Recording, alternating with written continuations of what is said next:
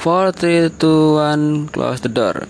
Oke, kembali dengan podcastnya Punokawan Institute dengan saya Cak Gun. Selamat datang pendengar-pendengar setia. Semoga dalam keadaan sehat walafiat, dilancarkan rezekinya, dipermudahkan dengan urusannya. Semoga selalu dalam lindungannya. Cie. Bagaimana kabarnya ukti-ukti aki-aki uh ah uh ah. Oke. sorry sorry bercanda-bercanda. Oke. Ya nunggu ya, nunggu podcast ini ya. Kayaknya kelihatannya gayeng gitu. Ya sebenarnya ini juga podcast kemarin kan tentang pola kepikir karena tahu tiba-tiba ada kepikiran untuk membuat podcast tentang gue trauma dengan perempuan berjilbab besar dan bercadar. Wah, padahal lagi minggu-minggu ini lagi musim-musimnya orang-orang halu halu kemudian sama virus corona ya. Ya ya sudah. Semoga itu bisa diatasi oleh negara kita tercinta Indonesia Raya Indonesia Merdeka. Asik-asik. Eish. sebelumnya gua itu begini ya. Jadi ini cerita tentang pengalaman gua. Pengalaman gua ya. Jadi ini menurut sudut pandang saya sendiri kalau emang teman-teman punya sudut pandang lain tidak masalah. Karena kita berbeda mungkin beda permasalahan kemudian beda kondisinya juga. Tapi saya akan menceritakan beberapa hal. Semoga ini apa namanya bisa menjadikan sudut pandang walaupun sebenarnya ini adalah bersifat relatif juga pasti ujung-ujungnya. Semoga sharingnya sharing saya ini bisa membuka membuka apa ya membuka tabir surya jendela dunia. Kenapa saya bisa bilang itu itu hanya klub bed sih. Sebenarnya mau bercerita saya tuh. Jadi gini konon bukan konon sih. Jadi gini gue dulu pernah suatu ketika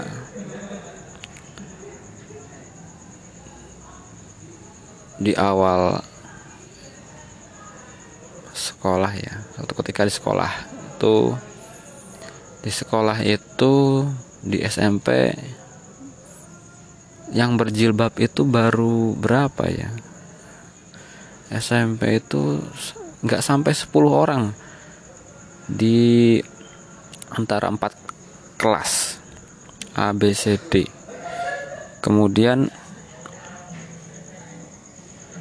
kemudian saya di SMA sudah mulai banyak yang berjilbab biasa ya jilbab selobokan ataupun jilbab kotak. Segi empat ya? Oh, kotak lagi. Kardus. Nah. jadi segi empat gini. Kemudian di kelas saya itu saya masih ingat betul itu. Di SMA kelas 1 kelas SMA kelas 1 itu satu kelas cuman satu satu yang pakai jilbab duduknya paling belakang dan paling pojok lagi. Itu nyata real. Gue pernah alamin itu. Dan jilbabnya sama masih selobokan. Kayaknya segi empat tuh kayak belum pernah lihat deh. Dia jadi itu satu kelas itu cuman dia doang yang berjilbab. Yang lainnya masih belum berjilbab ya. Untuk kelas 1 paling pojok dan paling belakang. Diem lagi. Pendiam.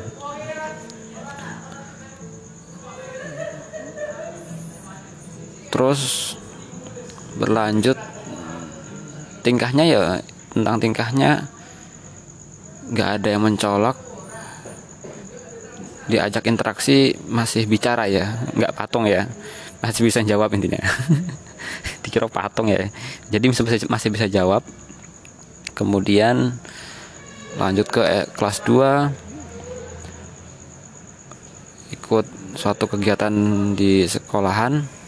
Sudah ada juga yang teman-teman lain seangkatan ada juga yang berjilbab. Sama jilbabnya juga selobokan kalau nggak segi empat tuh pun nggak gede-gede amat. Mungkin karena dulu SMA itu masih badannya kecil-kecil jadi skot apa segi empat terlihat besar gitu ya. Tapi kalau dengan kalau di posisi sudah lepas SMA ya mungkin agak terlihat kecil. Tapi udah itu intinya jilbab selobokan dan segi empat intinya. Dan polanya gini pola yo sesuai apa yang dia pakai sih jadi perbandingannya itu hmm, jadi perbandingannya itu 100 banding satu lah. Kalau yang berjilbab cuawaan itu 1100 banding satu. Jadi ya apa yang dipakai sesuai dengan karakternya gitu. Jadi tidak tidak apa namanya tidak mencemarkan apa yang dia pakai.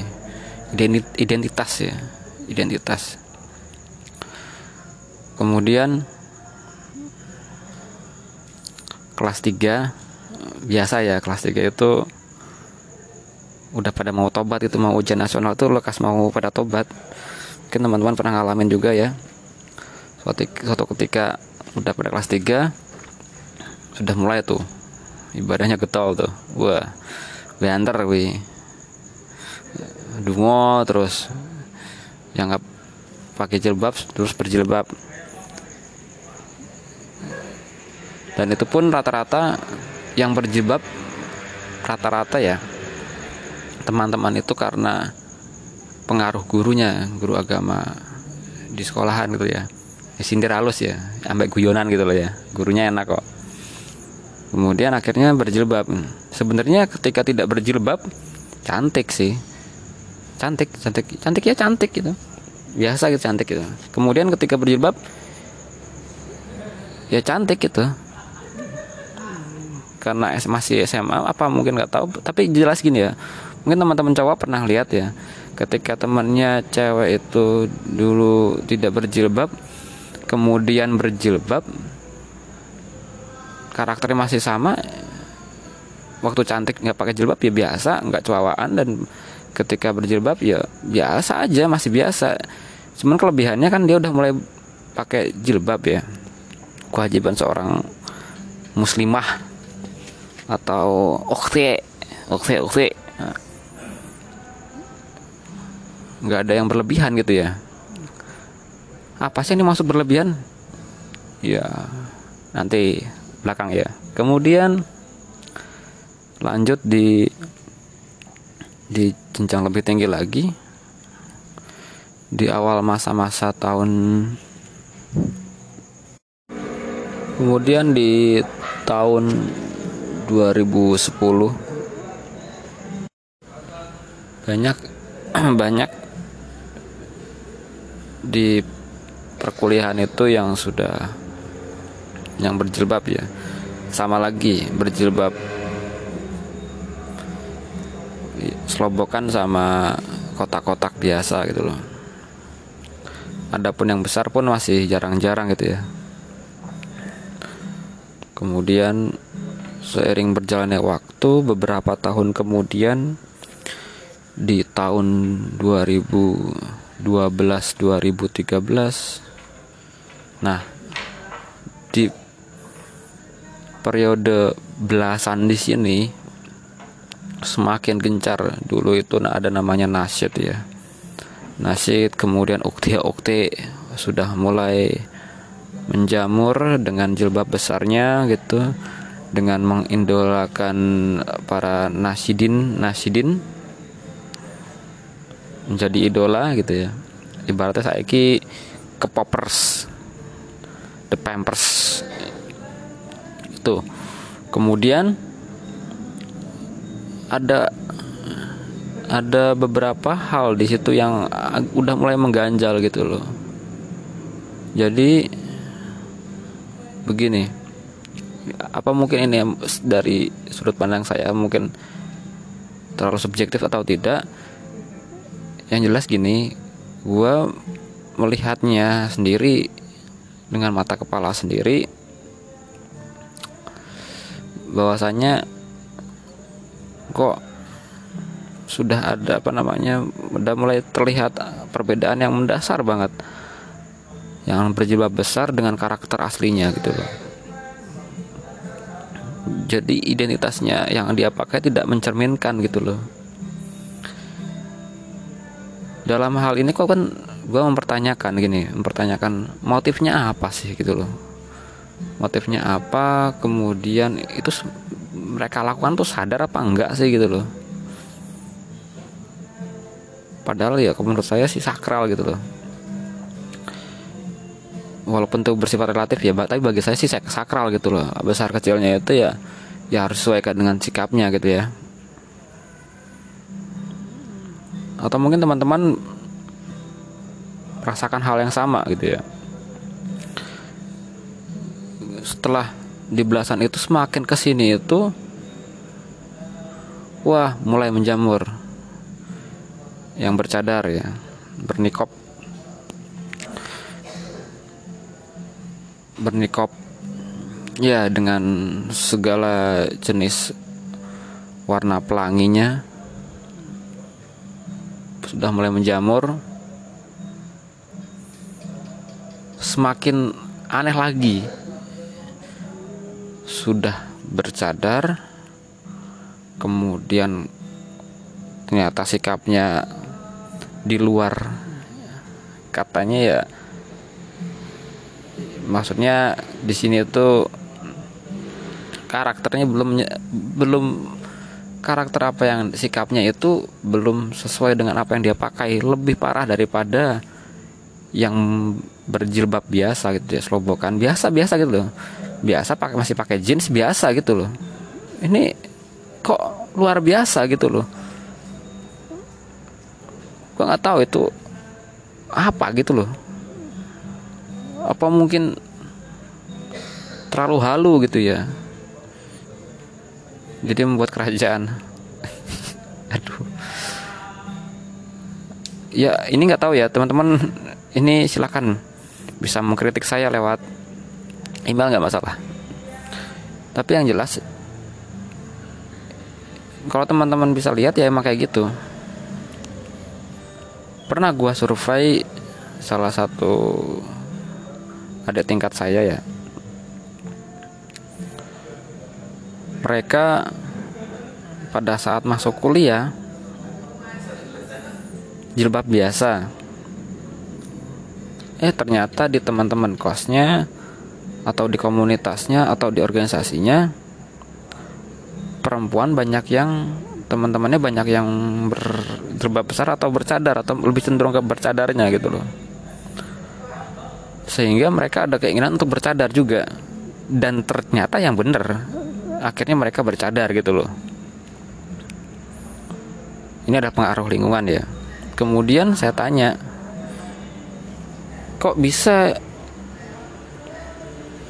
jadi yang biasa biasa ya. Ibaratnya jilbab yang kotak-kotak atau selobokan langsung pakai gitu instan ya. Itu langsung bercadar wah ya gue salut sih. Gue salut dengan mereka yang dengan perubahan perubahan identitas yang berjilbab biasa sehingga menjadi berjilbab besar dan bercadar itu saya apresiasi gitu. Cuman gini loh mereka itu hanya sekedar ikut-ikutan atau ikutin fashion atau gimana ya? Atau pengen ya gimana entahlah gimana. Jadi ya gue heran aja gitu loh sampai suatu ketika ya ya. Padahal padahal gini ya padahal yang saya lihat itu mereka yang bercadar di sekitar sekitaran kampus itu ya bercadar bercadar ya besar jilbabnya besar dan bercadar. Cuman warna-warni aku ya oke okay. gue nggak mempermasalahkan masalah warna gitu ya. Cuman gue masih ingat betul itu. Selama di sekitaran kampus atau lingkungan gue itu cuman nem, gue nemu yang bercadar itu pasti warnanya hitam. Sepakat apa enggak? Ya jelas lah sepakat. Emang dalam aturannya emang secara syari ke secara kewarnaan emang dianjurkan hitam. Kalau nggak salah ya. Atau gue cuman ya intinya hitam dan mereka pun berkehidupan bercadar pun karena sudah terbentuk dari sudah terbentuk dari keluarga keluarga dari pihak jadi dari orang tuanya gitu loh dari orang tuanya ataupun mereka langsung hidup total di komunitasnya. Komunitasnya di tempat tinggalnya dan pengajiannya rata jadi homogen gitu. Dan mereka tetap konsisten gitu loh. Dan gue nggak nggak mempermasalahkan itu malah malah. Gue nggak mempermasalahkan mereka yang bener bercadar gede warnanya hitam cadarnya sampai kelihatan matanya doang ya. Ya gue nggak nggak mempermasalahkan itu malah marah terhadap mereka. Karena mereka emang bersikap bersahaja gitu. Gue lihat jarang banget bercadar itu apa di kafe bercadar hitam ya? Di kafe di rumah makan sekelas restoran atau di mana lah gitu? Jarang banget. Dan mereka sederhana dalam sederhana dalam saya sama sama suaminya ya berboncengan. Sederhana ya sederhana banget bener. Emang mereka kaum kaum bukan kaum ya maksudnya mereka yang gue dengar yang tahu setahu gue mereka adalah salafi gitu loh salafi yang memang fokus emang apa memurnikan ajaran Rasulullah ya mereka total benar gitu loh. Sederhana banget. Boncengan kemudian boncengan mesra yang cowok cingkrang jenggot motornya bukan ala kadarnya ya intinya bisa berjalan lah gua gak ngecek. Cuman intinya sederhana gitu loh. Pada dasarnya sederhana gitu. Ya itu mencerminkan mencerminkan banget gitu loh. Cuman ini kan ketika kembali lagi ke tadi apa namanya ke niatan mereka yang bercadar berjibab besar malah eksistensinya di media sosial walah bukan main. Bukan main sekali. Jadi eksistensi eksistensi mereka emang bener-bener luar biasa gitu loh. Gue jujur belum pernah lihat cewek bercadar. Bercadar yang total hitam gitu atau kaum salaf gitu ya. Gue jarang banget ya. Mungkin ada satu dua ya. Tapi gue jarang banget lihat di media sosial di Facebook di Instagram. Media Twitter lah. Jarang banget mereka eksistensi. Ini Indonesia ya? Indonesia ya jangan luar negeri. Indonesia mereka tuh foto-foto di upload kemudian maka apa di restoran upload restoran liburan.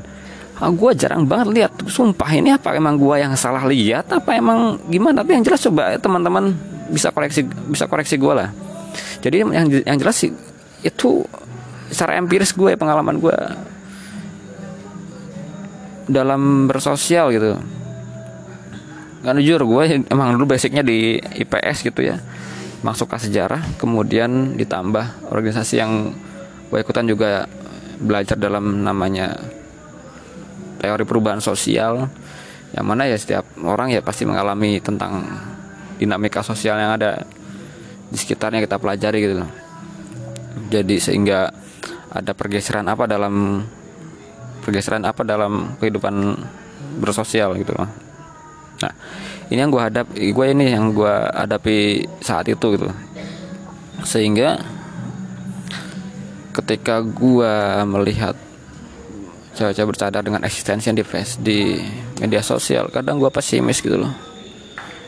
Ilfil gitu loh gue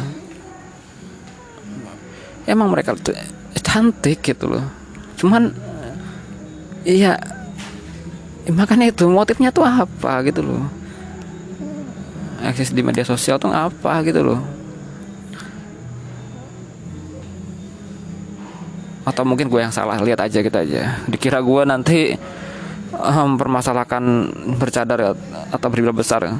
Enggak sih. Teman-teman aja yang menilai gitu. Kemudian yang paling gue agak paling ya agak miris aja gini loh. Hmm, ingin mendapatkan suatu pasangan misalnya lagi lo jomblo ya. Mungkin pendengar sini pada para ukti-ukti atau yang mendengar. Wah gue pengen berjilbab besar dengan niatan nanti agar agar niatannya soleha. Tapi nyatanya agar terlihat soleha. Kemudian ada janji apa nggak tahu ini hadis atau hanya sebuah kiasan wanita soleha akan mendapatkan cowok soleha juga gitu ya. Syukur-syukur gue anteng dua putih. Sugi manut. Alam boh. Ya ini gitu. Disesuaikan dengan apa namanya kesolehannya. Jadi ada juga yang gitu. Jadi motifnya adalah untuk mendapatkan cowok yang diidamkannya gitu loh ibarat ibaratnya itu ekspektasinya mereka gitu loh. Ya nggak apa-apa sih. Cuman gini yang teman teman-teman perlu perlu dengar ya. Lihat ya perlu itu ya. Ini juga nggak tahu ini sebuah artikel atau hadis atau bagaimana gitu loh. Kalau ente itu mau mengenal Tuhannya kenali dulu pribadinya masing pribadi lu lu sendiri gitu loh jadi nanti hubungannya nanti ketika niatan da, paling dalam berekspektasi terlalu tinggi gua khawatir nanti lu akan halu gitu loh. Akan apa namanya akan terban itu loh. Pernah juga gua pernah lihat di suatu media sosial tak ini percaya atau tidak gitu suatu tandanya akhir zaman adalah dengan banyaknya wanita yang sibuk dengan mencari jodoh kemudian sama bersibuk untuk kecantikannya. Entah itu benar atau tidak tapi nyatanya emang di lapangannya di kayak gini ya. Semoga aja itu nanti teman-teman yang bisa bisa mencari ilmunya lagi. Hmm. ya itu sih yang yang apa namanya yang gua prihatinkan gitu loh. Jadi kalau menurut gua ya motif-motif gimana ya? Ya ampun. Sudahlah. Bukan dalam arti gua menyuruh ukti-ukti atau di sini teman-teman itu untuk tidak berjilbab. Ingat gue tekankan gue di sini cuman gue meng mengkritik aja dengan perubahan-perubahan sosial yang ada saat ini. Dari tahun ke tahun semakin pergeserannya jauh banget itu loh.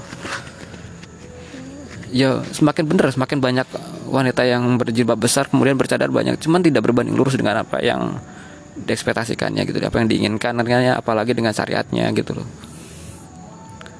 Ya kalau gue sih lu wajib semua pada ber, berjilbab gitu loh.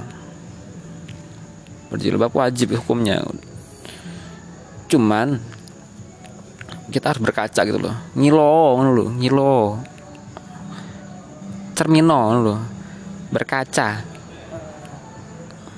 Seberapa pantas kita untuk mendapatkan sesuatu yang kita inginkan gitu loh.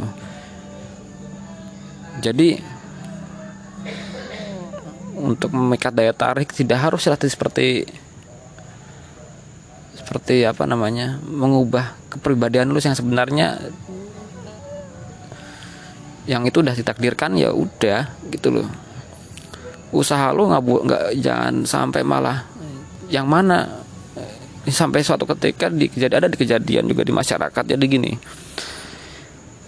Awalnya dia nggak bercadar dan biasa dan keluarganya juga biasa dari keluarga biasa dari keluarga biasa agamanya juga biasa-biasa aja.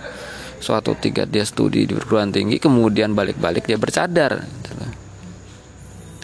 bercadar kemudian yang tadinya dia akrab kemudian langsung langsung mundur seketika interaksi sosialnya berkurang gitu loh. Gila. Itu doktrin apa yang masuk otaknya gitu loh?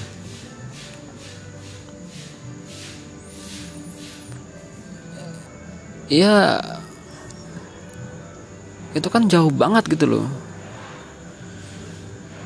Coba lo bandingin sama ya bukan bandingin. Coba lo coba datang aja ke kampung desa yang desa itu ada di desa di Jawa Timur itu yang kalau tadi bilang teman saya itu di Mojosongo. Kalau nggak salah di Kediri ya.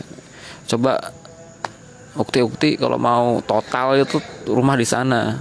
Yang mau berjilbab yang mau bercadar mau total atau silahkan coba ke sana semua sana itu kayak kayak kayak di, kayak di Mekah gitu loh.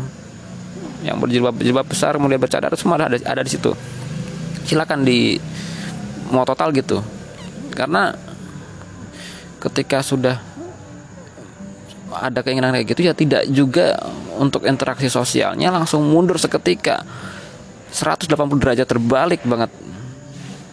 Jadi ya kayak kayak apa namanya lo dapat mainan yang lo senengin dipinjem nggak boleh. Nggak tahu analogi analoginya bener apa enggak intinya nggak mau langsung direbut mainannya udah jauh dari teman-teman biar nggak dipinjem. Nah tak benar tidak yang jelas kayak gitu. Jadi langsung menjauh. Nggak deket teman akrab menjauh drastis gitu loh.